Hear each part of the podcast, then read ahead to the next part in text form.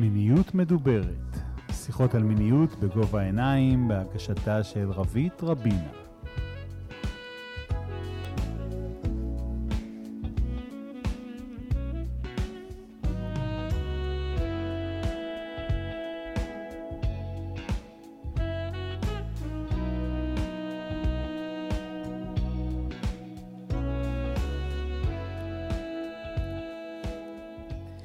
היי, אני רבית רבינה, ואנחנו בעוד תוכנית של מיניות מדוברת, שיחות על מיניות בגובה העיניים. אני יועצת ומלווה למיניות מיטיבה, ובעלת בלוג המיניות, מיניות במרחק נגיעה, שבו אני כותבת על מיניות ועל יחסים בכלל.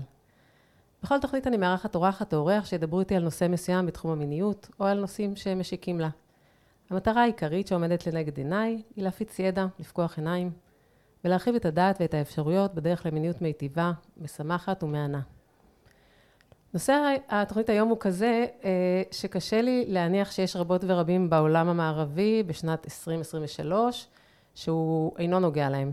הדרישה החברתית הכמעט בלתי מתפשרת שנראה תמיד צעירות מכפי גילנו, רזות ויפות.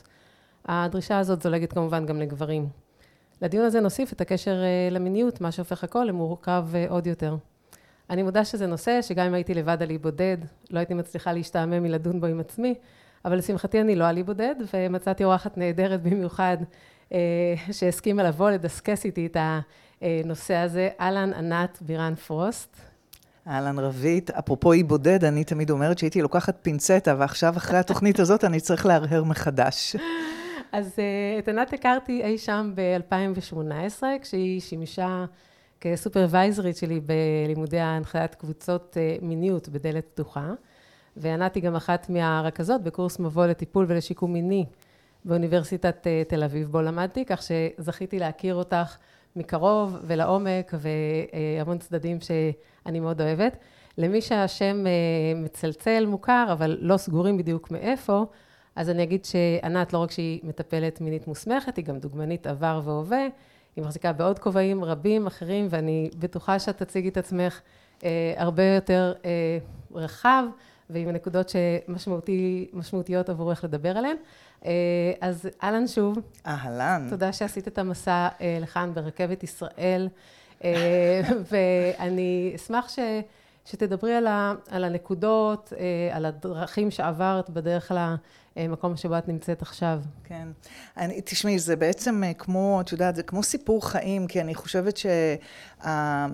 כאילו, את הזמנת אותי, כי, כי, וככה, כשדיסקסנו לפני כן, אז אמרנו שהמון תחומים כבר סוכרו, מסוכרים, מדוברים בתחום של המיניות, הקשר שלנו עם המיניות שלנו, אבל דווקא ההתייחסות לאריזה החיצונית, לא מספיק באה לידי ביטוי. Mm-hmm. בעולם אה, בריאות הנפש מהר מאוד עוברים מהגוף אל הנפש, וגם אנחנו נעשה את זה פה, לא שלא, אבל אני גם רציתי לתת, אני חושבת שאנחנו כן באים באריזה, mm-hmm. וכן יש לה משמעות, וכן אפשר להתייחס, ובעיניי זה סופר מעניין, בטח ובטח בעולם שיותר ויותר, יותר ויותר הוא גלוי, אה, אם זה מצלמות רחוב, אם זה הניידים שנמצאים בכל מקום, אה, אין לנו כמעט, אנחנו נדבר על זה אחר כך בהרחבה, אין כמעט... כמעט אה, הפרדה בין מרחבים סמויים למרחבים אה, גלויים. אנחנו בעידן של הרשתות החברתיות. וכל זה כמובן מן הסתם קשור גם למיניות. עכשיו, אם אנחנו חוזרות לרגע לסיפור שלי, אז mm-hmm. אני חושבת שבאופן אישי, גם לא רק כאשת מקצוע שפוגשת את הנושא הזה ואת הממשק הזה בין אה, יופי ונשיקות, יופי ומיניות, אלא באמת הסיפור האישי שלי אה, מאוד אה, נוגע בעולמות האלה. אני, קודם כל, אימא שלי בעצמה הייתה דוגמנית, mm-hmm. ואני חושבת שבמשפחה שלנו, יופי והישרדות כרוכים זה בזה. והתובנה נפלה לי באיזושהי הזדמנות, ששוב, זה השערה, לא, אי אפשר mm-hmm. לדעת, אי אפשר לחקור כאלה דברים כמו, אה, שוב, זה לא דברים, אה, חומרים מוצקים שאת יכולה לגעת בהם ולראות אותם, אבל כמטפלת אני יכולה לשער, למשל, אה, אימא שלי היא אה, אה, נולדה כשההורים שלה ברחו מפולין לתוך ערבות רוסיה, אחרי שכבר תינוקת אחת אה, נולדה ונפטרה מדיזנטריה, ואימא שלי כשהיא הגיעה לארץ הם הגיעו בדרך לא דרך, באמת דרך מאוד מאוד לא פשוטה, אפשר לחשוב על השנים האלה, שנים מאוד מאוד קשות, וסבתא שלי הייתה חולה, אז כשהיא ירדה מה... הם ירדו, המשפחה ירדה מהאונייה, את סבתא שלי הבריטים לקחו כמו שהיא, לא היו לה נעליים אפילו לרגליה, לקחו לבית חולים, ואת אימא שלי וסבא שלי שמו במחנה עתלית. ומכיוון שהבריטים היו אנשים מאוד מסודרים, לא כמו הגרמנים, אבל עדיין מאוד מסודרים, סבתא שלי כשהיא חזרה, אחרי שהיא הבריאה, כשהיא חזרה מבית החולים, והיא חזרה למחנה, היא הייתה בצד של הנשים. ואימא שלי במשך כמה חודשים ארוכים, ב, ב, אה, אה, זאת אומרת, כל זמן השהות שלה במחנה, היא הייתה בחלק של הגברים. היא הייתה אב, ילדה בת... עם אבא שלה? עם אבא שלה, עם סבא שלי. ילדה בת שנתיים-שלוש, ואני חושבת...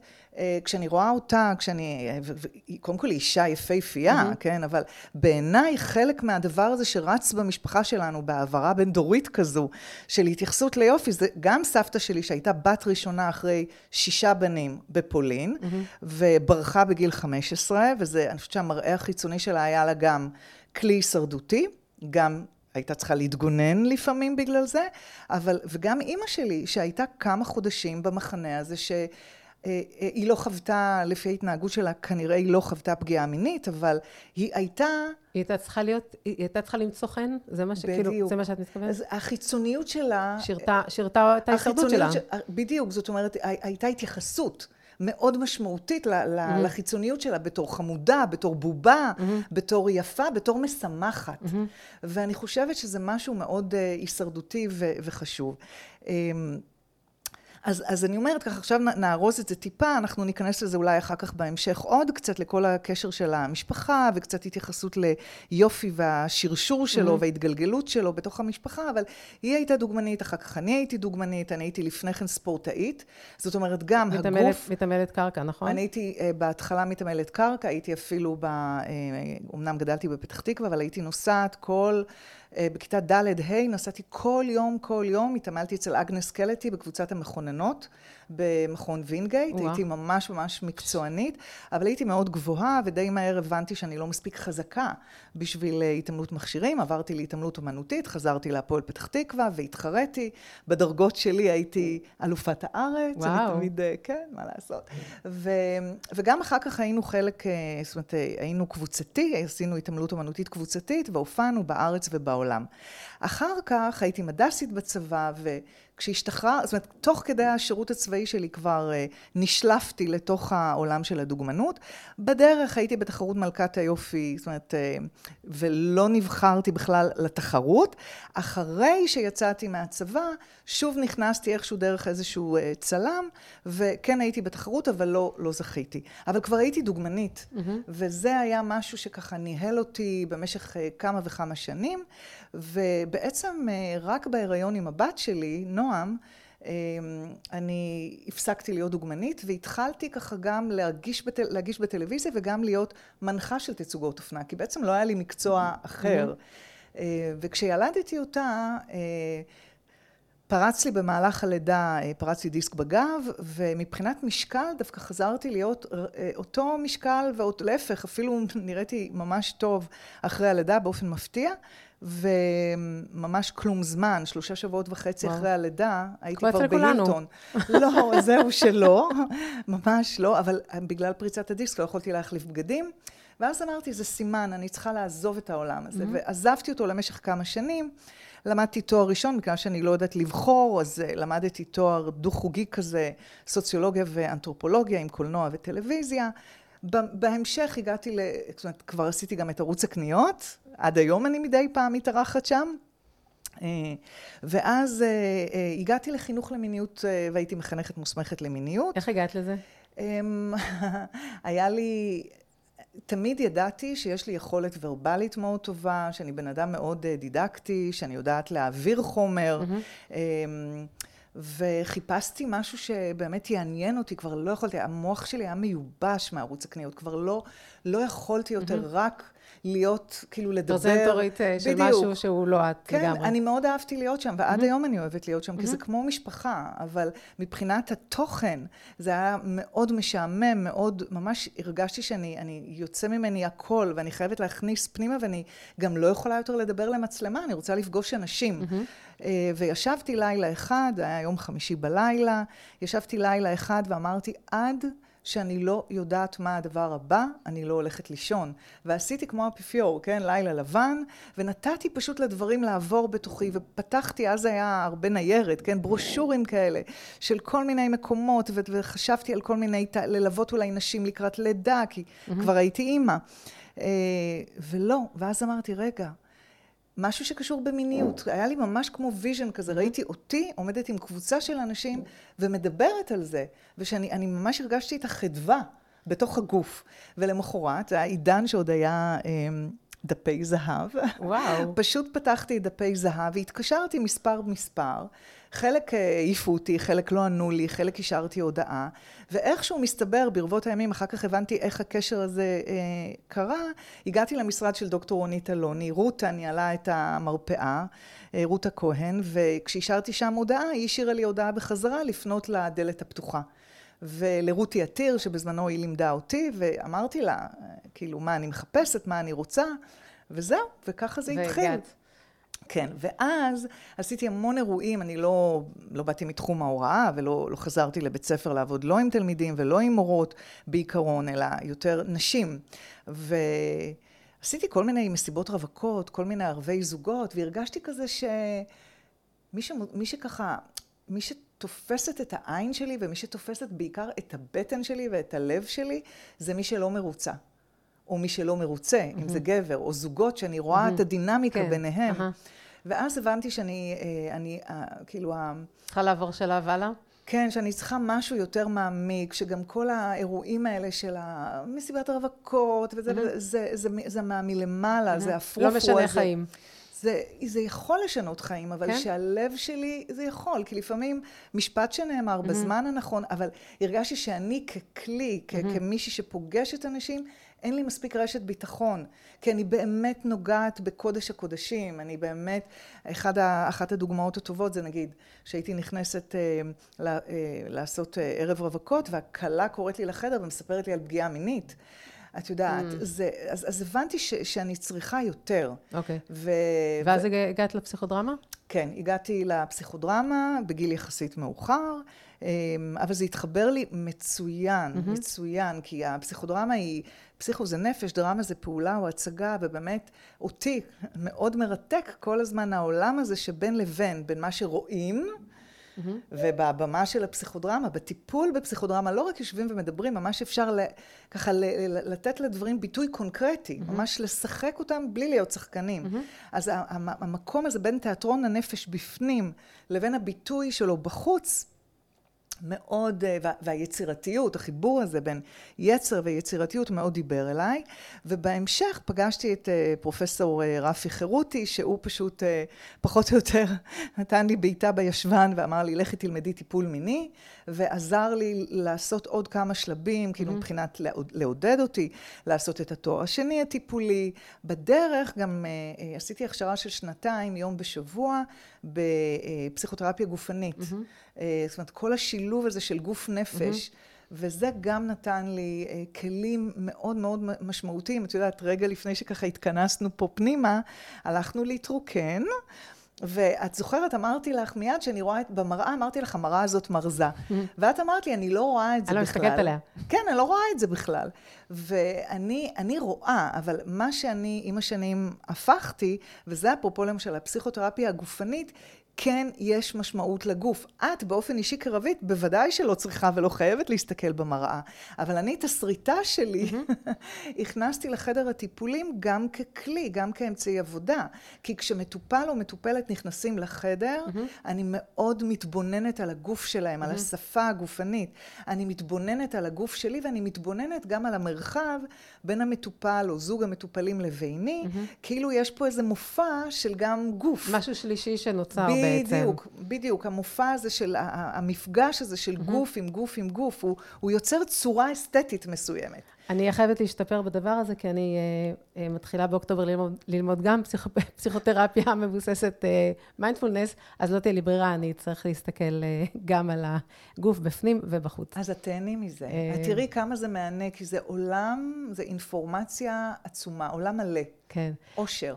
אז ענת, את הגעת לזה, ש... כאילו, הבאת אותנו לנקודה הזאת שבעצם יושבת uh, את, אה, ענת, שאת מטפלת אה, מינית, מוסמכת, ועם הכובע הזה של, אה, של דוגמנית, ו, ובעצם את צריכה עכשיו בחדר להחזיק גם את זה וגם את זה, זאת אומרת, את לא תעטי על עצמך מראה אחר ממה שאת, בשביל אולי להקל על מי שבא וככה. איך, איך השילוב הזה, איך אני אגיד את זה, מעצב את איך שאת מסתכלת על, על יופי בכלל ובחדר הטיפולים אה, בכלל, בפרט. זאת אומרת, את אה, הסברת כבר, אמ, אמרת שזה, שזה מהותי וזה לא משהו להתעלם ממנו. אה, אני רוצה, אני רוצה לשמוע עוד את הקול שלך ביחס לאיך שנהוג עוד להתייחס לזה בדרך כלל. כי אנחנו כן אבל, אבל אכן, שקר היופי, כאילו כן, כן מנסים בשביל לעודד את מי שאולי נראה פחות עונה על, ה, על, ה, יודעת, על המודל היופי אה, כאילו שזה לא כזה חשוב וזה, אבל, אבל זה לא באמת כן. נכון תמיד, או... ואנחנו ניכנס לזה בכל מיני רבדים, אבל עכשיו חשוב לי את, כאילו, כן. ב... אנחנו יודעות שזה קיים. זאת אומרת, אנחנו יודעות שכשנכנס מטופל או נכנסת uh, מטופלת, הם, כמו שאמרתי קודם, הם, ארוז, הם נמצאים, התיאטרון נמצא באיזושהי צורה. Mm-hmm. והרבה פעמים באמת בטיפול, זה כאילו, יש איזו נטייה כזאת באמת מהר מאוד לעבור פנימה. ואני רוצה שאנחנו נהיה ב... אמ, נהנה, נהנה מהאופן שאנחנו ארוזים, או נכיר את המקומות ואת האזורים שאנחנו פחות נהנים מהם, וזה חלק מאותה, הקשר הזה הוא בין צורה לבין תוכן, הוא קשר שיש לו משמעות. ואפשר להתייחס אליו. עכשיו, זה נורא מעניין מה שאת אמרת. את אמרת, בטח אה, את לא תשני את עצמך. אז גם בזה עברתי דרך. כשאני הייתי okay. אוקיי. סטודנטית לפסיכודרמה, בעולם הפסיכודרמה, אחד הדברים שאני מאוד אוהבת זה שאתה נמצא בשטח משלב מאוד מאוד אה, מוקדם, mm-hmm. ויש איזה משהו מאוד, מכיוון שהעבודה היא בפסיכודרמה בבסיס, פסיכודרמה היא עבודה קבוצתית, אז ממש יושבים עם המטופלים, הסטודנטים, המטפלים, יושבים באותו חדר, והסטודנטים הם מין חוליה כזאת בין לבין, הם לא מטופלים כמובן, אבל הם עדיין לא המטפלים, אז אנחנו כאילו חלק מהשיתוף, אנחנו חלק מהפעולה, אנחנו חלק מה, אה, מההתרחשות בחדר, אנחנו לא יושבים כמו mm-hmm. צופים. Mm-hmm. ואני עשיתי פרקטיקום שהיה עם אסירים משוחררים, נגמלי סמים, זאת אומרת סביבה מאוד מאוד גברית, אז עוד לא הייתי מטפלת מינית, אלא רק אה, סטודנטית לפסיכודרמה, כבר לא הייתי דוגמנית אז, חשבתי שאני גם סיימתי mm-hmm. עם החלק הזה בחיי, אבל בכל זאת הייתי מודעת למראה, וככה אפילו צחקתי על עצמי, אמרתי, ענת, נו בחייך, יש סטודנטיות הרבה יותר צעירות, מה את בכלל שמה לב איך את נראית? זה אין לזה שום משמעות. Mm-hmm. מרוב שאין לזה משמעות, התלבשתי כמו חייל. לבשתי, גם ככה אני אוהבת אה, מראה גברי, mm-hmm. אבל לבשתי ממש בדיעבד, זה... דגמחים ו... ממש הייתי עם דגמח, mm-hmm. הייתי עם מכנסיים כאלה, דגמח, אה, וואלה. בצבע חאקי, נעליים גבריות של גברים, גם יש לי מידת נעל של גברים, ממש, וחולצה הכי... מחקת כל אה, ביטוי, כל סממן נשי. שיער אסוף. אני אף פעם כמעט לא מתאפרת, אז בטח לשם לא התאפרתי, וחשבתי שאני מוכנה, ואף אחד לא ישים לב בכלל איך שאני נראית, וזה לא רלוונטי. ואז אני עולה במדרגות, ופתאום היה שם איזה מישהו, והוא היה גבר חתיך להפליא, והמבטים שלנו ככה... ואני חשבתי שאני מתעלפת, כי אני הרגשתי שהוא רואה לי, לת... כאילו mm. שהוא רואה שגם ניסית הוא... להסתיר, ניסיתי, אבל... לה... ו- וזה הדבר הראשון שראיתי. לשמחתי, אה, הטיפול בפסיכודרמה והמנחים, העבודה היא כזו שקודם כל יושבים אנחנו הקבוצה ועושים איזושהי עבודת הכנה, ורק אז נכנסים לתוך הקבוצה, mm-hmm. ובגלל שכבר הייתי באמת, משהו בי היה בשל, כבר הייתי אישה יותר מבוגרת, לא התביישתי בזה. להפך, פניתי לקבוצה לעזרה, שישמרו עליי, שישימו לב, שיעזרו לי. אה, ודרך אגב, אה, היום, ככה את שואלת איפה זה בתוך החדר טיפולים, היום אמ, אני שמה לב, את יודעת, אני יכולה לפעמים אה, להיכנס לאיזשהו חדר ולשים לב מאוד לחיצוניות שלי, ל, ל, איך אני משפיעה או איך, ה, איך האחרים מושפעים מהמראה שלי. אני יכולה לשים לב שלא שמים לב. Mm-hmm. ובחדר הטיפולים זה מאוד מעניין, כי זה על ציר כזה, זה בין לפעמים לא קיים, ואז אני גם שואלת את עצמי, למה היום זה לא קיים? זה הופך הכל להיות חדר, להיות חומר טיפולי. למה היום אין משמעות בכלל? אני לא רואה שום מבט של המטופל או המטופלת על המראה, כלום. או, או מתי זה מאוד מאוד מאוד נוכח. ו, אה, וגם אני שמה לב, אני לא יודעת כמה מטפלים אחרים מדברים על זה, אבל אני, בגלל שאני זה אני, זו אני, ואני מכירה את המשקפיים שלי שרואים חיצוניות, אז אני גם שמה לב לאיך אני מסתכלת על המטופלים mm-hmm. שלי ועל המראה החיצוני, ואני מיד מנסה לחבר לא רק בין הפוזיציה של הגוף, אלא לאיזה, מה הם חושבים על עצמם, איפה הם ממקמים את עצמם מבחינת uh, מודל היופי, mm-hmm. ואני מנסה כבר לראות איך זה קשור לאותה דיספונקציה מינית אולי, או בכלל איזושהי מצוקה שבגללה הם נכנסו. זאת אומרת, במקום להיות אה, אה, אולי נבוכה שאת רואה דברים, או אולי נבוכה ש... זאת שאת רואה שהם מסתכלים או מסתכלות וזה, זה הופך להיות כלי שאת משתמשת בו. לגמרי. אה, ל, ל, כלי אבחון, שאולי אה, מישהו אחר בכלל לא נכון. היה נותן, נותן לזה את הדעת, אז אצלך זה פלוס, כי את במילא... יש לך את העיניים האלה שרואות את הדברים האלה, זה כן, מה שאת אומרת. ממש ככה, אני חושבת שזה ממש, זה, אני אומרת, אנחנו עובדים עם מה שיש. כן, זה, ומראה זה חיצוני הוא יש. הוא לגמרי יש, ובכלל, את יודעת, כשככה אנחנו מסתכלות על מיניות, אחת התובנות שלי לגבי מיניות, זה שזאת עבודה, וזה מה שמנחה אותי הרבה פעמים כשאני ככה, את יודעת, לפעמים מתבלבלת בחדר בין כל הצרכים השונים והמגוונים, זה באמת לחפש את המתחים בין איגודים, mm-hmm. בין חשוב ללא חשוב, בין אלוהי הדברים הקטנים, לבין משהו שהוא אה, אה, מאוד גדול ומאוד דרמטי ומאוד משמעותי. ואיך אותו דבר בדיוק יכול להיות mm-hmm. ממש שולי וקטן, ובאותה מידה הוא יכול להיות עצום ומשנה חיים. אני, אה, אם נספיק אחר כך, ויש לי תחושה שנספיק, נגיע אחר כך לניגודים בכל מיני הקשרים שלהם, כי זה, זה מאוד יפה אה, להתעסק עם זה. את יודעת, ואת מזכירה לי עוד משהו, אפרופו המראה שלי, אז אני אומרת, זה עובד לשני הכיוונים. אני מסתכלת איך הם מסתכלים עליי, ואם הם אומרים משהו. אם אני זוכרת, כן? גם אני לא כל הזמן במודעות, כן? אני לפעמים אה, אה, במקומות אחרים, וזה גם כיף לי נורא, כי אה, אפרופו, אני, בגלל שמיניות בשבילי זה החיים, כן? ואני אוהבת כל מיני צורות של חיים. אז יש את ענת, אני מושפעת מעולם הפסיכודרמה, שזה, ככה אנחנו מסתכלים על העולם כמו תיאטרון באמת, אז גם העצמי מורכב ממלא חלקים. אז יש את החלקים של הרצינות והקשיחות שלי, וה... אבל יש את הרגעים, את, החלקים, הקלולס, או החלקים הזוהרים, אבל יש גם את החלקים העייפים לחלוטין, או הפגיעים לחלוטין, או הנבוכים לחלוטין. המטופלים שלי לחלוטין רואים אותי מסמיקה. שזה שיעור המון. מעולה, זה, זה מודל מעולה עבורם בעצם, כי... אה, כי אנחנו לא רוצות להיות אלוהים בחדר. זאת אומרת, יש משהו בזה שאת מאפשרת לחלקים כאלה שלך לבוא לביטוי, אה, את בעצם נותנת להם מראה שגם הם יכולים אה, לעשות... כן. זה בסדר, אם ענת, שמסתכלים עלייך, בטח בכל זאת עם איזשהו מבט למעלה, גם אם לא אלוהים, אם את נבוכה, אם את רגע קשה לך או משהו, זה גם מודל עבורם. כן, הם מסתכלים עליי קודם כל למעלה, כי אני כבר זקנה, ברוך השם, באמת, זה כיף. בטח כי הגובה שלך. גם אני גבוהה, אבל גם כי אני דמות סמכות בחדר. נכון, אני אומרת, אין שוויון, אבל אני חושבת שהאנושיות הזאת שאת מביאה, זה גם מודל עבורם, זה משהו שהוא כן. חשוב. אני עושה modeling דרך להיות המודל. וזה, דרך אגב, קשור גם באמת לשמחה, אבל אנחנו נחבר את זה אחר כך, של להיות דוגמנית בגיל ה... בגיל הבוגר יותר, שאני כבר באמת אה, בגיל המעבר הארדקור כבר כמה שנים.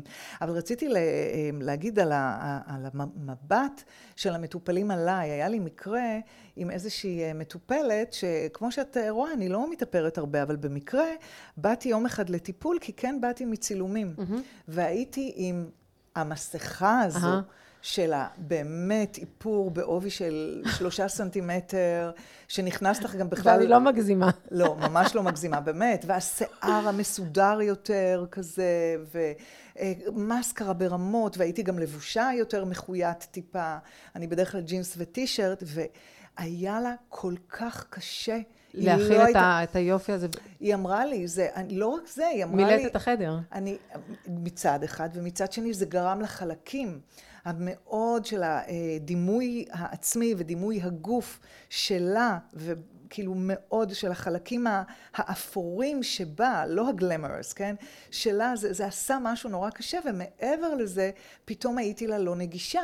היא אמרה לי, אנחנו יושבות פיזית באותו מרחק, אבל אני מרגישה שאת נורא רחוקה ממני. עכשיו, לשמחתי... זה כמו ענת אה, בפרסומת, ולא לא ענת המטפלת שלה. כן, אבל לשמחתי, וזה היופי, רבית, כמו שאת אה, הבנת קודם, זאת אומרת, זה לקחת את הדברים האלה ולהפוך אותם לחומרים. כן. אנחנו עבדנו על זה, איבדנו את זה, ואיך בתוך המקום הזה עשינו שינוי, איך בתוך המקום הזה היא יכולה בזמן אמת להסתכל עליי אחרת, לנשום את זה יחד וגם איתי. על עצמה.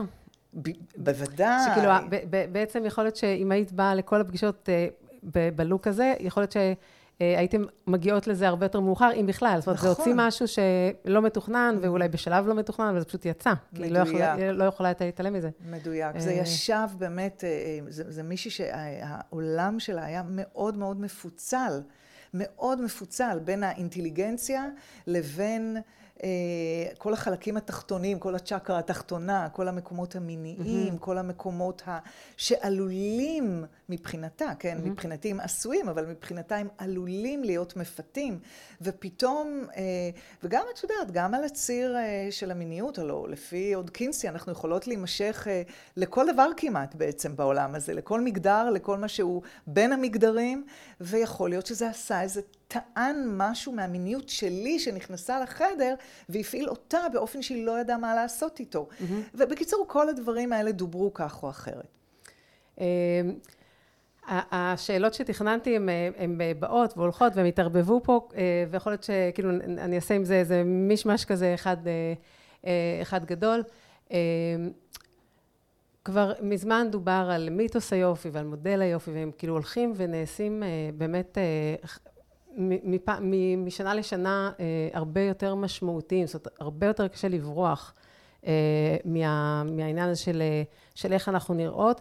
אני שמחה להגיד על עצמי שבאמת בזכות בן זוג שיש לי בשנים האחרונות וכל מיני תהליכים עם עצמי, אז מה שכל החיים העסיק אותי, אז היום למרות גודלי מעסיק אותי הרבה פחות, שזה באמת איזה נס כזה, כי זה לא שאני זורקת, אבל זה לא מנהל אותי איך, איך העולם החיצוני אה, רואה אותי, ואני יודעת שזה לא, לא מובן מאליו, ואני מאוד מאוד שמחה על זה. ולא נפוץ. ו- ולא נפוץ, ו- ואני יושבת עם החברות שלי, ואני אה, שומעת, וזה באמת לא משנה איך אנחנו נראות, הראש, אה, אנחנו לא מרוצות אה, ברובנו, כי... כי מכל עבר, זאת אומרת אם זה פעם היה תוכניות טלוויזיה ופעם, ופעם בקולנוע, אז עכשיו זה אה, הרשתות החברתיות וזה באמת הצפה אה, אני לא יודעת, אני את הבת, את הבת שלי היחידה שיש לי, בת 23, איכשהו היא, היא ניצלה, כי בבית זה כל כך חזק, הקבלה הזאת, וה... אה, הגוף הוא כאילו, אוקיי, הוא, הוא מה שנושא את הכישרונות שלנו ואת האופי הנהדר שלנו וכולי וכולי. אה, זה לא שלא מפריע לה, אבל זה לא מנהל. אבל אני באמת רואה סביבי בכל הגילאים, איך זה, איך זה מנהל. מה עושים עם זה? כאילו... Hmm. את יודעת, בא לי לשאול אותך, כי אנחנו ככה נפגשות גם במקום האישי, כאישה לאישה, ואני ככה תוהה, אני יודעת לענות לך אה, אה, מהמקום שלי כאישה, מהמקום שלי כמטפלת, מהמקום שלי גם כאימא, אני כבר גם סבתא, כן, אבל הבת שלי הלא דוגמנית, ויש לנו על זה המון דיבורים גם בינינו, אבל אני תכף אקח את זה אליי למקום המקצועי, mm-hmm. ואולי מקצועי אישי, אבל עלתה לי שאלה אלייך, mm-hmm. רבית, כי את אומרת, זה, זה כאילו נון אישו. אבל אני שואלת... וכל החיים העסיק אותי, עד שהתעייפתי. אני יודעת, עד שהתעייפת, אבל עכשיו בא לי לרגע להציץ mm-hmm. לתוך המקום, תעני לי כמו שמתאים לך, mm-hmm. להציץ לתוך המקום האינטימי שלך, והאם שם... שם הכי מהכל. שם עוד יותר ממה ש... ממה, כאילו, אם אני אה, אלך ל... היום, אכנס לחדר, כן. אה, אז אני... אה, בלימודים באוניברסיטת תל אביב קרה לי מה שלא קרה לי אף פעם, נכנסתי לחדר, היינו 70 או משהו אנשים, ורק כשהגעתי הביתה, אז אמרתי לעצמי, איזה קטע, אני לא יודעת מי, אם יש שם יותר רזות ממני, יותר שמנות ממני, לא שמתי לב. ואז הבנתי שממש החלמתי מהמחלה. אבל את תראי חתונה לי. ו... כן, סליחה. והמקום שהשיא של האני, זה פה חשיפה אה, טוטאלית שלי, אז אה, כאילו מי שקשה לו, אז תקפצו כמה דקות קדימה. אה, המקום שאני הכי אני, הכי הכי הכי אני, זה המפגש המיני שלי עם הבן זוג שלי. זה, אין שם... אה, כאילו, זה, זה בועה כזאת, של אפילו אין את הציפיות של איך החברה הייתה חושבת שאני צריכה להיראות בגובה שלי, בגיל שלי, whatever. זה פשוט לא קיים. אה, זה אושר ענק. קודם כל זה שחרור זה ענק. שחרור, וזה, אבל- והשחרור מביא איתו עונ- עונג, עונג. אינסופי. נכון, כי אנחנו יודעות באמת שאם אנחנו מסתכלות על אה, אורגזמה, נגיד, שוב, והיא לא חייבת להיות הדבר, אבל אורגזמה כסימבול, כסמל. כ- לשחרור. לא, ל- ל- ל- למיניות, זה בעצם אה, משחק כזה בין, זו סדרה של התכווצויות, זאת אומרת, יש פה משחק בין קיבוץ לבין התרחבות. בין קיבוץ לבין התרחבות. זאת אומרת, אם אנחנו מאוד בלא, שזה, המילה לא, שימו לב, המאזינים, מאזינות, מה המילה לא עושה לכם, יש, יש במילה לא משהו עוצר. אני לא יודעת אם את שמה לב בגוף שלך, כשאומרים לא, זה... בתנועה הראשונית זה סטופ הלא. Mm-hmm. יש שם משהו שעוצר, שריוני כזה, הגנתי כזה. כמובן שחייבים את הלא בשביל גם השחרור. בשביל הכן. בדיוק, בשביל הכן, וגם בשביל לבקש, וזה זה, זה בשביל העונג, זה דבר מאוד מאוד חשוב. אמ, אבל, אז, אבל, אבל כשאני מקשיבה לך, אז אני שמה לב לאינפורמציה שהיא דרך הלא. זאת אומרת, שימי לב שכשאת עונה לי על המראה החיצוני, את עונה לי על האזורים שזו בעיה. אבל בשבילי, כשאני שואלת אותך, כשאני נכנסת לרגע בדמיון שלי, למקום הפרטי שלך, לחדר הזה בדמיון, אני רוצה... אה, לא רוצה, אבל אני יכולה לדמיין אותך עומדת שם ונהנית מחוש הראייה, כי הלוא הוא חוש שהוא חלק מהחושים, לא כמשהו שיפ- שיפוטי, ולא כעין ביקורתית או עין של איזשהו שלישי או עולם, או, או מודל היופי שנכנס לתוך החדר, אלא... אני, כשאני אני יכולה עליי לדמיין את זה כשאני, ואני ביישנית, mm-hmm. דרך אגב, אבל אני יכולה ברגעים שאני בתוך הדבר הזה, להרגיש איך אני רואה אותי. וזה נעים לי, זה- זה והמבט יפה. של בן הזוג כן. שלי, שאיך הוא רואה אותי, וזה נעים לי. אוקיי? להבדיל מסוג של מבט mm-hmm. שהוא מצמצם, שהוא מכווץ, שהוא לא נעים. זה הבחנה יפה, תודה. זאת אומרת, אני אקח את זה לתשומת אה, ליבי באופן שאני אה, מדברת, אבל אם אני מרחיבה את החוויה, אז אני מאוד מתחברת למקום הזה שאת אומרת, שבגלל שאין את העיניים, אז אני יכולה, כאילו, ההוויה שלי היא תלויה רק בי ובבן זוג שלי, ואם שנינו אוהבים את מה שקיים שם, אז, אה, אז זה נפלא, כי החברה באמת, איכשהו הצלחנו שהיא לא...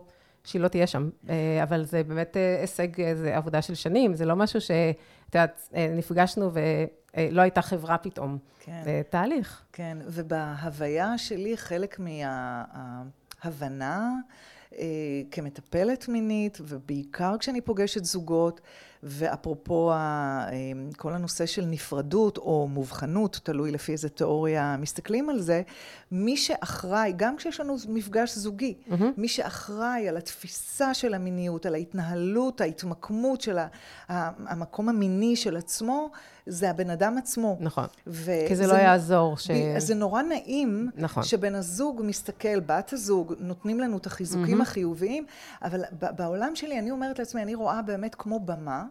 זאת אומרת, המפגש המיני הוא, הוא במקום פרטי, כן? אבל אה, מי שעושה את זה בחיק הטבע, תהנו, סבבה. אבל כאילו, אם זה אפילו ב, ב, ב, במקום הפרטי בבית, אני מתכוונת ש... לכל אחד מבני הזוג יש את העיניים של בן או בת הזוג, mm-hmm. אבל בדרך הפסיכודרמה, ואני מבינה את זה, יש גם את העין המדומיינת שלי, ובאמת mm-hmm. בעבר היא הייתה, או גם היום היא לפעמים ביקורתית, אבל היום אני יודעת לעשות את ההתמרה ולהביא את המבט של עצמי ואת ההתארגנות הגופנית.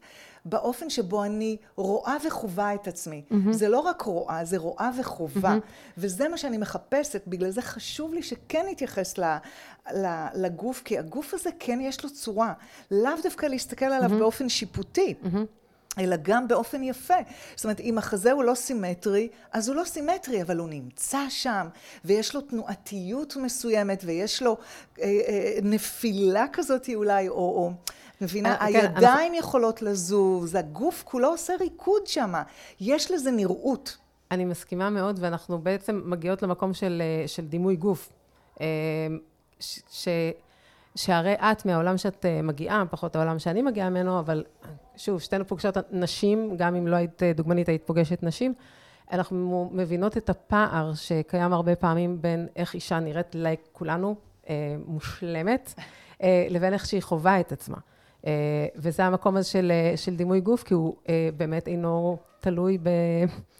הוא אינו תלוי באיך אנחנו נראות, אלא הוא תלוי בתפיסה הזאת שדיברת עליה, של, ה, של הבפנים, כי אני יכולה להיות אה, מי שאני, אה, ועדיין במפגש מיני להרגיש אה, אה, נפלא.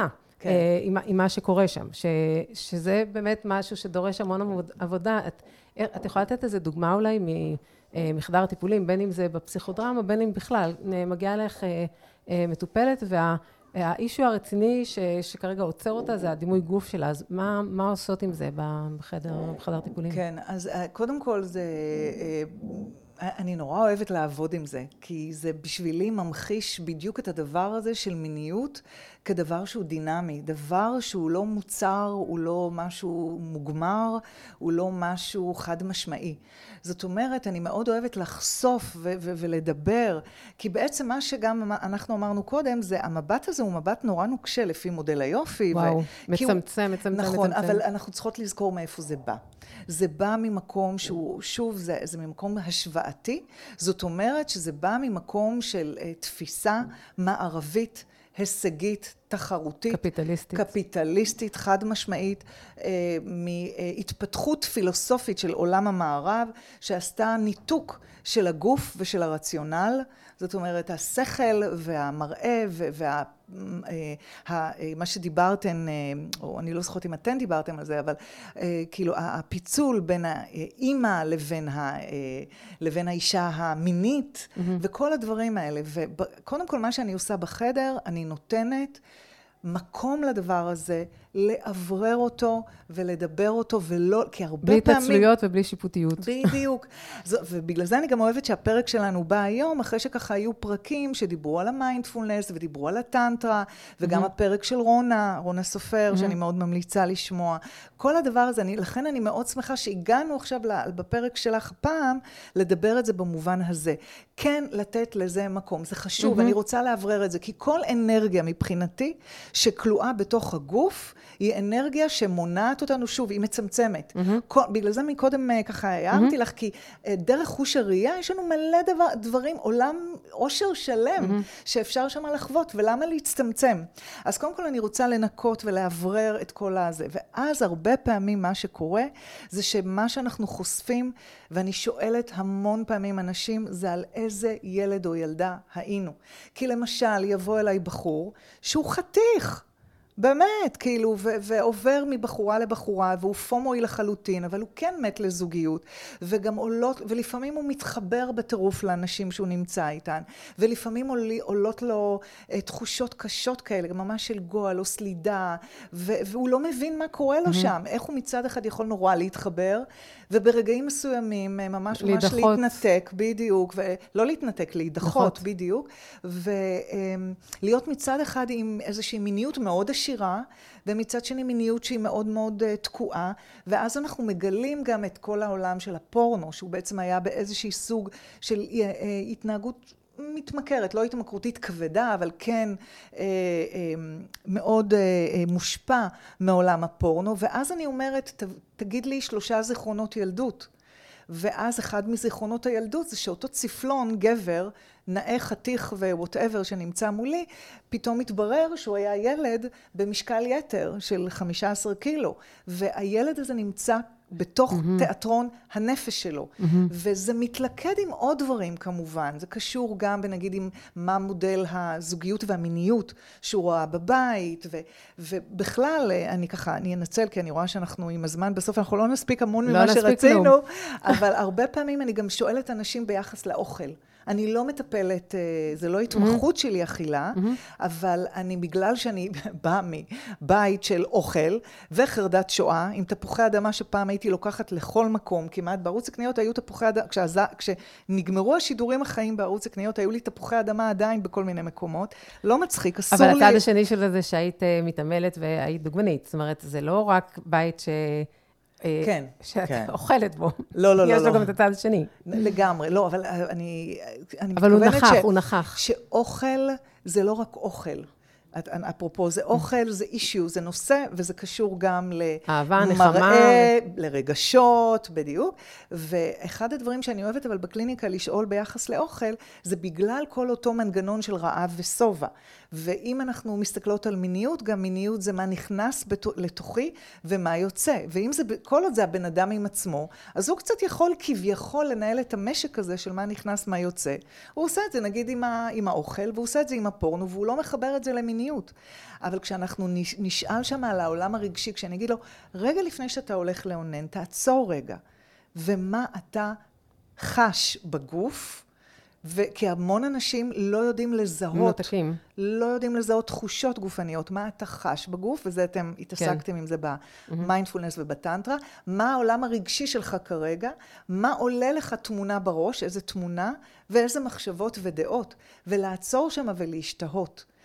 ואז אנחנו יכולים לגלות, נגיד אם זה אותו בחור, האם יש, האם התהליך הזה שהוא עבר הוא רזה? איכשהו בגיל ההתבגרות, הוא רזה. Mm-hmm. זה נעלם, המשקל, המשקל, המשקל נעלם. כן, אבל הראש אבל והחוויה... בדיוק, בדיוק. לא עובדו, השינוי לא עובד. בדיוק, וכל הדבר הזה של המנגנון רעב ושובע, ומה נכנס ומה יוצא, ואיך אני מתמודד, ואנחנו יודעים שכל מה שקשור בהתמכרות קשור בהתמודדות עם ריק. הרבה פעמים, הקושי לשאת ריק. ובעולם פומואי, כמו שאנחנו חיים בו היום, זה נורא מבלבל, כי אתה לא, לא מרגיש בכלל את הרעב. אתה, אתה סותם את הרעב שלך נורא נורא מהר. ואחד הדברים שאנחנו עושים בטיפול זה לעצור, ולכן להיות במרחב לא שיפוטי בדיבור קודם כל, שיעברו את כל מה שהם חושבים על הגוף שלהם, ואני אעבור איתם על הגוף שלהם, על שיער הגוף שלהם, על האור שלהם, על צלקות שיש להם, על ניתוחים שהם עברו. ואני יכולה למצוא אישה מבוגרת שבאה אליי כי היא רוצה, למשל, אה, לאונן, כי היא לא מרגישה נוח לאונן, וכשאני יחד איתה, אני, אני אעשה את הטיול של הגוף שלה, את הסיפור של הגוף בחדר. Mm-hmm. אנחנו נבין שיש שם צלקות מ, אה, שהיא עברה ניתוחים באיזשהו שלב, ואיך ההורים הסתכלו על הצלקות האלה, mm-hmm. ואיך היא טיפלה, ואיך זה טופל, פיזית ממש, ורגשית, והתנהג... הכל. וכל הדברים האלה יקבלו מקום, ומה שאנחנו נעשה, הלוא את ההיסטוריה, אנחנו לא יכולים לשנות. Mm-hmm. אבל מה שאנחנו כן יכולים לשנות זה בחדר עצמו, ודרך כמובן, אני מדלגת על זה טיפה, כי mm-hmm. המאזינות שלך והמאזינים מכירים את המיינדפולנס ואת הטנטרה, את החיבור הזה לגוף, אני, אני כן עושה איתם איזשהו לפעמים על הכיסא. אה, אה, מכינה אותם קצת, בכלל להתחבר לגוף, להרגיש אותו, אבל ברגע שעולה איזושהי תמונה של סיטואציה שקשורה לחיי היומיום, או כאילו זה עולה דרך משהו מה, מהיום, מקשרים היום, ואז אני עושה להם איזשהו מיינדפולנס כזה, ואז עולה תמונה שקשורה בפעם. זאת אומרת, אני שואלת, מאיפה את מכירה, אם את מספרת לי אפילו רק תחושה, בחור mm-hmm. שיש לו חרדת ביצוע, ויושב מולי בחור שנראה, באמת, מקסים גם, נראה מעולה, אבל חרדת ביצוע והוא mm-hmm. בהימנעות, הוא לא mm-hmm. נמצא בקשרים, הוא לא מתחיל עם בנות, אה, בחור צעיר.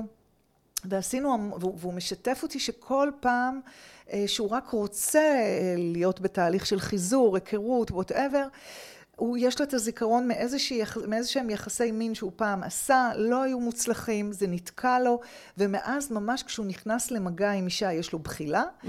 וכשאנחנו פותחות, פותחים את זה עוד יותר, אנחנו מגלים גם אצלו משהו שלא פתור בעניין של האכילה, והבחילה הזאתי, אז אני עוצרת אותו ואומרת לו, כשאנחנו חוזרים אחורה, מאיפה זה מוכר, ואז אנחנו בונים בקליניקה שלי, כאילו איזושהי סצנה כזאת, mm-hmm. מאז, מאותה פעם, עם אותה בחורה, mm-hmm. למשל, מה קרה, ואנחנו מביאים דמויות, כמו שאת אמרת לי, אה, כשהתחלנו להתחבר פה, את אמרת לי, אמרנו אולי לא נספיק, או אנחנו... אז את אמרת לי, יש לי משפט שאת אמרת, אני, ענת. אני, יש לי אנשים על הכתפיים שלי אה, באופן קבוע כן, יושבים שם. ו... בדיוק. אז אני מלמדת את האנשים להתחבר לדמויות האלה, אבל הפעם... המיטיבות. המיטיבות. ואנחנו עוברים תהליך שזה דמויות מופנמות, ואז הדמויות שהם יכולים להזמין אותם מתי שהם רוצים, והם לא פועלים לפי איזשהו קצב של מה אמור, איך זה צריך להיראות, ולהכל מותר להיות. Mm-hmm. ואז אפשר להיות על הציר הזה שבין אני, עכשיו נחזור לבחור ההוא עם הפורנו שאמרנו וההתמכרות, הוא יכול להיות מצד אחד מאוד מחובר, מחובר בטוב, וברגע שהוא מחובר ברע, הוא יודע כבר, יש לו כלים, הוא יכול לעצור, הוא כבר למד נשימות, mm-hmm. הוא למד לזהות את התחושות גוף שלו, הוא למד שהוא יכול לתקשר את זה, כי אחד mm-hmm. הדברים שיש אצל גברים, הם פוחדים לפגוע, הם פוחדים, והרבה פעמים נשים פוחדות להיפגע, פוחדות גם לפגוע בבן הזוג שלהם. הוא מבין ומגלה שיש מרחב הרבה יותר עשיר, שאפשר לתקשר mm-hmm. את זה, ואפשר להתחבר בחזרה מדלת אחרת, מכיוון uh-huh. אחר. ממקום אחר. ואז אנחנו יכולים להתחבר דרך כל אחד מהחושים, וגם דרך חוש הראייה. Mm-hmm. לאו דווקא דרך רק תחושה, אה, ריח, מגע, uh-huh. מישוש. אני רוצה שיוכלו להתחבר גם דרך ראייה. כן. כי זה חוש, יש לנו זה, אותו. זה לגמרי, לגמרי. בואו נהנה ממנו. לגמרי, בטח במיניות, כאילו, כן, במיניות אנחנו באמת אה, צריכות וצריכים, או לא צריכות, אבל כדאי שנעשה שימוש בכמה שיותר אה, חושים, גם אם לפעמים נשחק עם, עם החושים ונעשה בהם שימוש מבוקר. אה, יש לנו נורא מעט זמן, יש לנו מיליון נושאים לדבר עליהם, okay. כן. אה, אז אני אבחר אחד, ואם אחר כך נספיק עוד, אז נספיק עוד. אני רוצה לדבר איתך, על, את, את, את הזכרת את האישה המבוגרת אה, שרוצה ללמוד, ללמוד, ללמוד לאונן, ואני רוצה לדבר איתך בכלל על נשים בגיל המבוגר. כן. הרי הגיל, אין מה לעשות, ההורמונים עושים את שלהם, דיברת על זה הרבה במקומות אחרים, אז אני לא אתמקד בך עכשיו. ההורמונים אה, עושים שינויים בגוף, גם בנראות, גם ביובש אה, אה, בנרתיק, והכל הופך להיות הרבה יותר פריך ופגיע ורגיש, ו, והרבה נשים מבוגרות בשלב הזה בוחרות לנקוט עמדה של הימנעות. אה, זאת אומרת, במקום אה, לנסות לעשות את העבודה, אז אוקיי, אני כבר אה, מבוגרת ולא, אה, כאילו המיניות שלי כבר מתה, ונשים אותה בצד, נאפסן ויאללה. העניין הוא שלשיטתי זה פוגע גם בה, זה פוגע גם בבן הזוג שלה, אם יש לה, וזה פוגע גם בזוגיות שלהם, זאת אומרת, שלושה נפגעים. איך את, איך את מתייחסת לעניין הזה של, של הגיל המבוגר ומיניות? כי, קודם... כי התייחסנו, לה, התייחסנו מאוד למראה, והמשתנה השלישי של נעורי נצח שמנסים למכור לנו מכל עבר. אה, הרי אנחנו יודעות שאנחנו, את, את מכירה את זה על עצמך, אבל אה, רואים אה, מישהי מפורסמת והיא כבר בת 80 והיא נראית בת 60, אז וואי, איזה מהמם, כאילו, היא בת 80, אבל אנחנו רוצים, רוצות לשמר אותה בת 60. אה, אז אני רוצה גם התייחסות לגיל קצת, שהן... לגמרי, בזה. לגמרי. בואי נגיד שרוב הנשים שהן ככה לפחות 50 אה, פלוס מכירות את המונח אה, שקראו פעם לנשים בגיל המעבר, גיל הבלוט. ותחשבי ותראי כמה זה מגדיר את השינוי ההורמונלי הזה, שזה שינוי פנימי, mm-hmm. וכן, יש לו השפעה על הנראות. היא בלויה, היא בלה, היא כבר פרח נובל. Mm-hmm. ו- ולכן אני חושבת שבאמת הרבה נשים מדירות את עצמן מהמקום הזה, ואפשר מאוד להבין mm-hmm. את זה. אז אם אישה אה, נכנסת אליי, אז קודם כל אני אשמע מה זה בשבילה מיניות, מה זה בשבילה נשיות, מה זה בשבילה אינטימיות במובן של קרבה לעצמה וקרבה לאחר. ואז אני אשאל אותה מה היא רוצה. אם היא תגיד לי שהמחיר, הוא, היא באמת היא חשופה מדי ופגיעה מדי, קודם כל היא לא חייבת להיות ברור. בשום מקום. ברור. אבל אני כן אציע לה את הדבר הזה שמסתכל על ה... אני, אני חושבת שכל עוד יש לנו נשימה באפינו, כל עוד אנחנו על, על, על פני הכדור הזה, כל עוד יש לנו תנועה, אה, יש קשר בין משקל למשגל, זה נכון, אבל מה שיותר קובע זה מד התנועתיות והמרחבים הפנימיים. והתנועה הזאת היא בין איך שאני נראית לבין איך שאני מרגישה בפנים. ואני אתן לה את האופציה להכיר את המראה שלה גם דרך המשקפיים, שוב, אני לא אעשה להם דה-לגיטימציה, המשקפיים הקשים, mm-hmm. המוכרים, המשקפיים שרואים כל קמת וכל כתם וכל uh, זה סבבה, אבל אני אתן לה את ההזדמנות ואני אתן לה כלים להסתכל גם באופן אחר ולנכס לעצמה את הסמכות הפנימית של איזה אישה, איזו אישה היא רוצה להיות. כי אחד. אחת הבעיות עם נשים, ואחת הבעיות עם חשק מיני, עד כדי כך שיש הימנעות טוטאלית או הכחשה טוטאלית של המיניות, זה בגלל שכנשים אנחנו מוסללות לא רק להיות יפות, אלא גם להיות הדמויות המטפלות. זאת אומרת, כל הקשב הוא החוצה, mm-hmm. לצרכים של האחרים. וכשהיא תבוא אליי, אז אני אגיד לה, אין, קודם כל את לא חייבת, אבל בואי נתחיל להכיר את התשוקה בחייך. למה כן יש לך תשוקה? Mm-hmm. ואיך התשוקה הזאת מרגישה בגוף. ואני אתן לה להתאמן בדברים שהם עדיין לא קשורים למיניות. למיניות במובן של יחסי mm-hmm. מין, אלא, mm-hmm. אלא יחסים של, אה, כמו שבפרק שדיברתם על המיינדפולנס, מעבר למה היא עושה בתוך הגוף, אה, סליחה, בתוך הבית, עם המקלחת, עם האופן שהיא מורחת קרם למשל, או משהו כזה, אני אתן לה להסתובב בעולם ולהסתכל, כן להסתכל, mm-hmm. להסתכל איך מסתכלים עליה, להסתכל על... אנשים אחרים, להסתכל על גברים, להסתכל על נשים, mm-hmm. להסתכל על זוגות ולהפנות את הקשב מדי פעם למה קורה לי בגוף. Mm-hmm. אני אתן לה תרגיל שנקרא חילוף תפקידים בפסיכודרמה, אני אומרת להם, אף אחד לא צריך לדעת, מה אכפת לך? Mm-hmm. תסתובבי עם בגד אחר. בגד, הלוא בגדים כולנו פחות או יותר מתלבשות, גם אם יותר, גם אם פחות. בגדים זה second skin, זה האור השני. את יכולה לבחור בגד שהטיפה משהו אחר מופעל בתיאטרון שלך. צבע אחר. ממה שאת רגילה בדרך כלל. ממה שאת רגילה, בדיוק. ות, ות, וגם תיכנסי קצת לדמות אחרת. אנחנו מתרגלות את זה קודם כל בחדר שלה. היא לא תהיה מאוימת כשהיא יוצאת החוצה. בדיוק, ש, שהיא תוכל גם לבחור דמות שהיא מרגישה, כי אם היא, היא באי נחת, אז שוב, השריון הגופני... לא יעשה כלום. בדיוק, יש שם קיבוץ גופני, אני לא רוצה את זה. אני רוצה שתהיה לה איזושהי, שיש שם איזושהי תנועה של משחקיות, שהיא יכולה לשחק עם התיאטרון של עצמה, והיא מחליטה עם הדימרים כמה היא משחקת. אז אם היא מנגיד 1 עד 10, מה שאנחנו עובדות עליו זה 8, זה גבוה מדי, אבל אם זה 2, 3, 4, זה כבר שווה לנו לעשות איזשהו ניסיון. וואי, זה מקסים. כן, ואז אני אגיד לה, תיכנסי לבית קפה הרגיל שאת נמצאת בו, ותשבי, נגיד, אני נורא אוהבת פינות בבתי קפה. אז אני אגיד לה, תשבי דווקא יותר במרכז, למשל, או תלבשי אה, צבע אחר, או תלכי על עקב, דווקא אם את לא רגילה ללכת על עקבים. תיכנסי לאיזושהי דמות של מישהי שבעינייך היא בשבילך דמות וואו. של מיניות או נשיות תקינה ובריאה, שמצליחה להחזיק את המתח הזה בין להיות אישה ייצוגית, כי הרבה מהנשים, מכיוון שיש להם את המקום הטיפולי הזה, והרבה הן מורות, הרבה הן אה, מטפלות, מטפלות או, או אה, מרצות, או מנהלות, אה, או מזכירות, או אני לא יודעת מה, או בכלל עורכות דין, או רופאות, לא משנה, הן ייצוגיות. כן. ולעשות את המעבר בין הדמות המערבית הזאת, ההישגית, המכופתרת, מה בסדר, מה צריך ל- לעשות דוגי סטייל, אני תמיד אומרת, או לשכב על הגב, רגל במזרח, רגל במערב, זה מאוד קשה, וקשה לנשים להיות להיות, תעזבי את העין הביקורתית, תעזבי איך את נראית. Mm. קשה להיות במקום המקבל. במקום הרפוי, שדיברנו mm-hmm. עליו קודם, שאת דווקא טובה בו. Mm-hmm. להיות במקום הנינוח הזה, במקום שאני פשוט נמצאת והגוף מתחיל לעשות שם תנועות מתוך עצמו. אז בתוך החדר זה קשה לה. אז אני אומרת לה, תתאמני עם הבגדים. תתאמני עם הקרבה מרחק בינך לבין האנשים.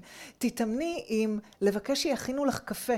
או לגברים, גם גברים, המון מהגברים הצעירים שמגיעים אליי, אלה שמתמודדים עם חוסר חשק, mm-hmm. ומתמודדים עם בעיות של אה, אה, שפיכה מהירה, או עם חרדת ביצוע, שזה אומר שיש עוררות, לא הסברנו, אבל שיש עוררות, רצון לקיים יחסי מין, יש חרמנות לגמרי, אבל פשוט האיבר לא מצליח אה, לתפקד כמו שהם רוצים, אז אני נותנת להם לשחק את המשחקים האלה של השליטה ושל הנשימה ושל הבחירה mm-hmm. ושל הריקוד הזה במרחבים אחרים שהם אינם מרחבים שמסומנים. מאיימים. בדיוק, כמרחבים מיניים. אני צריך לתפקד, אני צריכה כבר לתת, אני כבר צריכה... אז אם אני מסכמת רגע את, את התשובה שלך, בעצם, אה, אם שאלתי על אישה בגיל המעבר, אפשר בעצם מבחינתך, מה שנכון לאישה בגיל המעבר, את אותם אה, אה, תרגילים, או את אותם, אותם כלי טיפול, אפשר ליישם גם על אישה בגיל המעבר, שכרגע הרחיקה את המיניות שלה מעצמה, וגם על אותו בחור צעיר שמגיע אלייך. זאת אומרת, הכלי הוא כלי, ואת עושה בו את השימוש בהתאמה. זאת אומרת, זה שנתתי דוגמה מהמקום שעניין אותי, אז אפשר באמת להשליך את זה על כל, אה, לגמרי. על כל אה, תחום אחר. ממש. אה, ובואי נדבר רגע על, יש, יש לנו כמה דקות. גברים. כן. אני רוצה רגע, דיברנו על גברים, ואני רוצה לדבר על, על גברים מבוגרים, והגוף כן. המשתנה. וואו. ויש לנו באמת זמן קצר, אבל אני רוצה לתת להם רגע את המקום שלהם. גבר שהגוף שלו משתנה, זה, אז הוא, זה יכול לבוא לביטוי בתפקוד של הפין שלו, שכל כך הרבה משקל מושם עליהם, מסכנים באמת זוועה, זה חייב להשתנות, אנחנו עושות הכל שזה ישתנה. אה, וגם הגוף שלו, שיכול להיות שהיה מאוד אה, ספורטיבי וזה, ועכשיו מספיק שהוא אה, שבר איזה משהו, ועכשיו הוא לא עשה ספורט, והגוף משתנה, וכאילו כל החוויה עצמי שלו משתנה, כי הוא נורא תלוי בגוף שלו. מה יש לנו להגיד להם? קצת מעודד. אה, לאהוב אותם, באמת, לשבת וללמד אותם. בואי נהיה האישה הזאת שלהם, בסדר? בואי נהיה האישה הזאת שלהם, לא, לא המטפלת שלהם. בואי, בואי תהיה האיש, האישה ש... איזה כלי, איזה מתנה אנחנו נותנות להם? המתנה שאנחנו נותנות זה המתנה של להחזיק את המתח, אם דיברנו על מיניות כמחזיקה מתח בין דברים, להחזיק את המתח שבין גם אצל הגבר, מה שאני מגדיר אותו כחזק, כמותר לי לקחת, מותר לי לרצות, לבין המקום של הפגיעות, mm-hmm. של הרכות, של ה... כי, כי הגברים בסופו של דבר גם הם כולל הרבה גברים שאנחנו פוגשות, הגברים, אם זה הגברים שלנו או גברים של חברות שלנו, זה גברים שגם הם לא למדו, הם, הם גם הם קורבנות, קורבנות. של, הס, של התרבות המערבית ההישגית. למשל, כל הנושא הזה של התקרחות. כי אצל נשים למשל, לנו יש קושי עם הבטן הרבה פעמים, הבטן הרכה.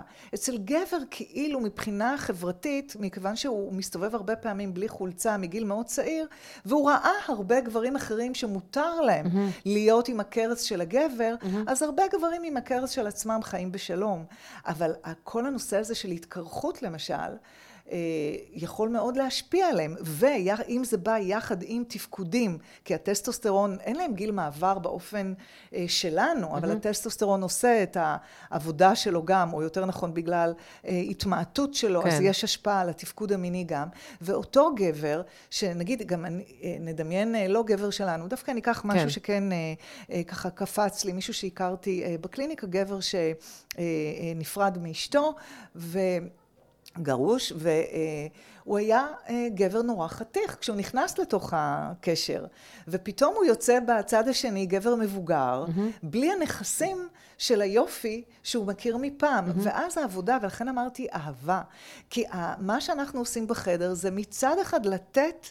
בהחלט לתת, אה, אה, איך אני אגיד, לגיטימציה מלאה למקום שרוצה להיות גבר-גבר. Mm-hmm. כי בעצם, תכף אני אסביר את זה, לתת מקום לדבר הזה, כמובן שזה יהיה מותאם מול נשים, ומצד שני, לתת מקום לאותו, בתוך התיאטרון של הנפש שלו מקום, לילד שהוא היה, בעצם לאיזושהי התפתחות, הוא מבין בתוך הקליניקה, הוא מבין שהתפתח לו איזשהו אה, עצמי מנוכר, איזשהו false self, mm-hmm. שהוא בעצם לא מכיר את עצמו, אין לו אינטימיות טובה עם עצמו, ויכול להיות שזה גם מה שפגם בזוגיות שלו, ואז הוא, הוא בעצם מבין שהוא יכול להתנהל אחרת בעולם. אז גם אם יש לי פחות שיער, ואני גם עדיין מאוד רוצה להיות עם תשוקה, אני מחפש את הדרכים המותאמות יותר היום להיות בתוך הדבר הזה. וככה אנחנו קרובות לסיום, אני אגיד שאחד הקשיים מאוד אצל גברים, בטח בעידן שלנו של המיטו, זה דווקא הדבר הזה שהם לא יודעים איך לנהל את הדבר הזה של I want, את הדבר הזה שרוצה בלי mm-hmm. להיות פוגעני. Mm-hmm. זהו, דיברנו על זה בפרק ה... אה, הקודם, okay. אוקיי. על העניין הזה, זה באמת אה, נעשה מורכב. עדיין, גם את וגם אני, אנחנו מעדיפות שזה יהיה מורכב מאשר שזה לא יהיה. חד משמעית, אבל אה, אפשר לעשות עם זה משהו. בדיוק, ועכשיו צריך להתקדם לשלב הבא, ואני חושבת שהדוגמה שנתת, האחרונה לגבר הזה, מראה שוב שהרבה פעמים אתגרים ומשברים, הם המקום שמאפשר לנו צמיחה, אם אנחנו בוחרות ובוחרים לעשות עם זה משהו. כי אם הוא היה נשאר עם אשתו, יכול להיות שהדברים שם לא, עדיין הוא היה עם השריון שלו ועם ה... האני הזה שהוא פיתח לעצמו והכל, ואולי עושה עבודה, וככה היו מסתיימים חייו. בעצם הפרידה הזאת אפשרה לו לפגוש את עצמו בדרך שהוא לא פגש אה, אף פעם. אז אה, אה, משבר הוא לפעמים באמת יכול להיות... הזדמנות. הזדמנות מעולה, מי כמוני יודעת. ענת, רגע. כן, אנחנו וואו. אשכרה, כאילו, כמה דברים עוד רצינו לדבר איתכם, אבל טוב, זה לא כזה רחוק, ואנחנו יכולות להיפגש עוד שוב. יש לך שתי דקות. Mm-hmm. אם, אם בשתי דקות האלה ש, שנשארו, את יכולה אה, לשלוח את המאזינות, מאזינים עם איזה, עם איזה משהו מזוקק כזה לקחת מפה, כי נתנו המון דוגמאות, אפשר להתחבר להרבה מהם. אני, אני אנסה להגיד את זה בקצר, אני אנסה להגיד את זה באופן שהמראה החיצוני שלנו כן משפיע. Mm-hmm. אבל הוא משפיע, כמו כל דבר, הוא יכול להשפיע לטוב יותר, למיטיב יותר, והוא יכול להשפיע לפחות טוב. וכל העניין הוא לגייס אה, אה, אסטרטגיות כאלה של אה, להתגבר, לעבור מהמצב הזה של זליגה לחוסר ביטחון עצמי, למקום שיש לנו אה, משהו פועם, שחי את המיניות שלו ושנותן לעצמו את המנדט להגיד, I own it, אני חיה את המיניות שלי. והיום בעידן של נראות ובעידן של סלפי ובעידן של רשתות חברתיות, להציף את עצמנו, גברים, נשים, צעירים, מבוגרים, לא מבוגרות, לא משנה. יש מספיק דוגמאות של נשים אה, שהן עושות, וגברים, שעושים את המעבר הזה, שרואים שהמראה החיצוני זה לא נון אישו, mm-hmm. אבל הוא לא מנהל אותם, mm-hmm. כמו שאמרת. ושיחד עם זה יש משמעות לקיום שלהם, משמעות לחיים שלהם, ועונג מתוך המקום שבו הם נמצאים. מעולה. אז אה, ענת, תודה רבה, היה לי כיף. חייכתי פה עכשיו שעה, נתפסו לי קצת לחיים, אה, אבל אה, טוב, אני רגילה. כאילו, כשזה קשור אלייך, את יכולה לדבר דברים נורא רציניים, אני אחייך. אז ממש תודה על הכיוונים המרעננים והשונים ש... שהבאת, ובאמת זה לא קול שנשמע הרבה, כי זה כאילו לא, את יודעת, כמו שאומרים בכל מיני מצבים, מה, זה רק סקס? אז לא, זה לא רק סקס, ואת אומרת, זה גם לא רק... יופי, זה, זה חלק מי, זה קיים, וזה, אה, והגוף שלנו זה, זה חלק מהעניין. אה, אז לא להיבהל, אפשר לעשות עם זה עבודה. אז תודה רבה, היה לי אה, נורא כיף ומעניין. אם הפרק הזה עניין אתכם וחידש לכם, אז כמובן שיהיה כיף שתפיצו אותו הלאה, שגם אחרים ייהנו מענת ומחוכמתה. Mm-hmm. ואתם יכולים גם להקשיב כמובן לפרקים אחרים, אם רק עכשיו נחשפתם לפודקאסט הזה, ואני מזמינה אתכם גם לאתר שלי, יש שם גם מדריכים להורדה וגם אה, המון פוסטים במגוון אה, נושאים. וכמו שאני מסיימת אה, תמיד, עד השבוע הבא, הרבו טוב. ותודה ו... גם ממני, תודה. רגע, יש לי, רגע, זה ממש משפט שאני כל כך מאמינה בו, ולכן אני חוזרת עליו שבוע אחרי שבוע. לא רק שתרבו טוב, גם תדאגו להכניס לחיים שלכם הרבה הנאה ועונג, ותפיצו את זה הלאה. כן, ענת. לא, רציתי להגיד לך תודה, רבית, שהזמנת אותי, עונג. תודה באמת. שבאת, היה חיבוק. כיף, ביי ביי.